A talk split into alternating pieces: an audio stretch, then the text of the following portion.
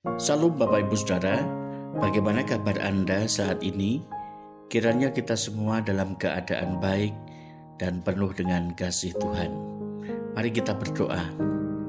Tuhan kami mengucap syukur kepadamu oleh karena Engkau begitu baik memelihara menyertai kehidupan kami. Kami bersyukur dalam nama Tuhan Yesus. Amin. Saat ini kita akan membaca dan merenungkan firman Tuhan dari Injil Matius pasal 11 ayat 28 sampai 30 demikian bunyinya. Marilah kepadaku semua yang letih lesu dan berbeban berat aku akan memberi kelegaan kepadamu. Pikulah ku yang kupasang dan belajarlah kepadaku karena aku lemah lembut dan rendah hati dan jiwamu akan mendapat ketenangan. Sebab ku yang kupasang itu enak dan bebanku pun ringan.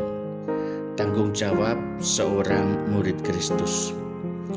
Ketika Yesus mengajar dan melayani orang banyak, ada berbagai respon terhadap Yesus. Ada yang menerima dengan sukacita, menghina dan mencibir, bahkan menolak Dia. Mengapa orang-orang di zaman Yesus justru banyak yang menolak Dia Bukankah mereka telah menyaksikan berbagai-bagai mukjizat yang dikerjakannya, bahkan banyak di antara mereka yang mengalami mukjizat tersebut? Sungguh ironis, bukan?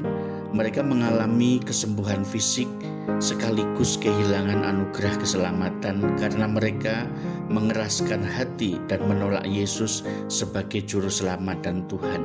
Dari berbagai kisah yang dituliskan di dalam Injil, kita mendapati bahwa orang-orang banyak yang berbondong-bondong datang kepada Yesus itu adalah orang yang mengalami anugerah Tuhan. Mereka datang dengan berbagai motivasi.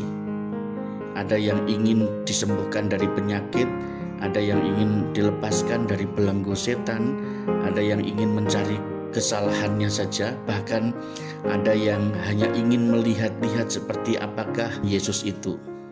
Berbagai-bagai orang dengan segala motif mencari Yesus, tapi tidak mengalami anugerah keselamatan. Berbeda dengan murid-murid Kristus, para murid tidak hanya mengikut Yesus karena mereka ingin, tetapi Tuhan Yesus memanggil mereka dari kesibukan dan keluarga mereka supaya mengikuti Dia dan Tuhan Yesus berjanji akan menjadikan mereka memiliki profesi baru yaitu bukan hanya nelayan tetapi penjala manusia.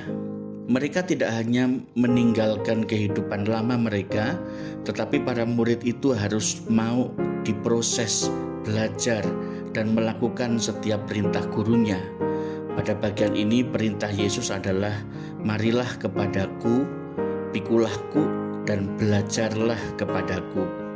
Di dalam frasa perintah ini, para murid diperintahkan untuk memasuki proses kemuridan Yesus. Tidak ada yang instan untuk menjadi murid. Setiap orang harus masuk dalam proses ini. Fakta bahwa tidak semua orang yang mencari Yesus adalah seorang murid Yesus dinyatakan di dalam perikop ini. Seorang murid adalah seorang yang merespon panggilan Tuhan rela masuk dalam proses kemuridan dan melakukan setiap kehendak Tuhan dalam kehidupan mereka. Tidak ada murid yang instan, proses ini harus dijalani sepanjang hidupnya supaya mereka tidak hanya tahu tentang Yesus tetapi mengenal Dia melalui pengalaman kehidupan sehari-hari ketika mereka melakukan firman Tuhan. Mari kita berdoa. Tuhan kami ingin hidup sebagai muridmu yang mau taat dan setia melakukan kehendak Tuhan dalam kehidupan kami.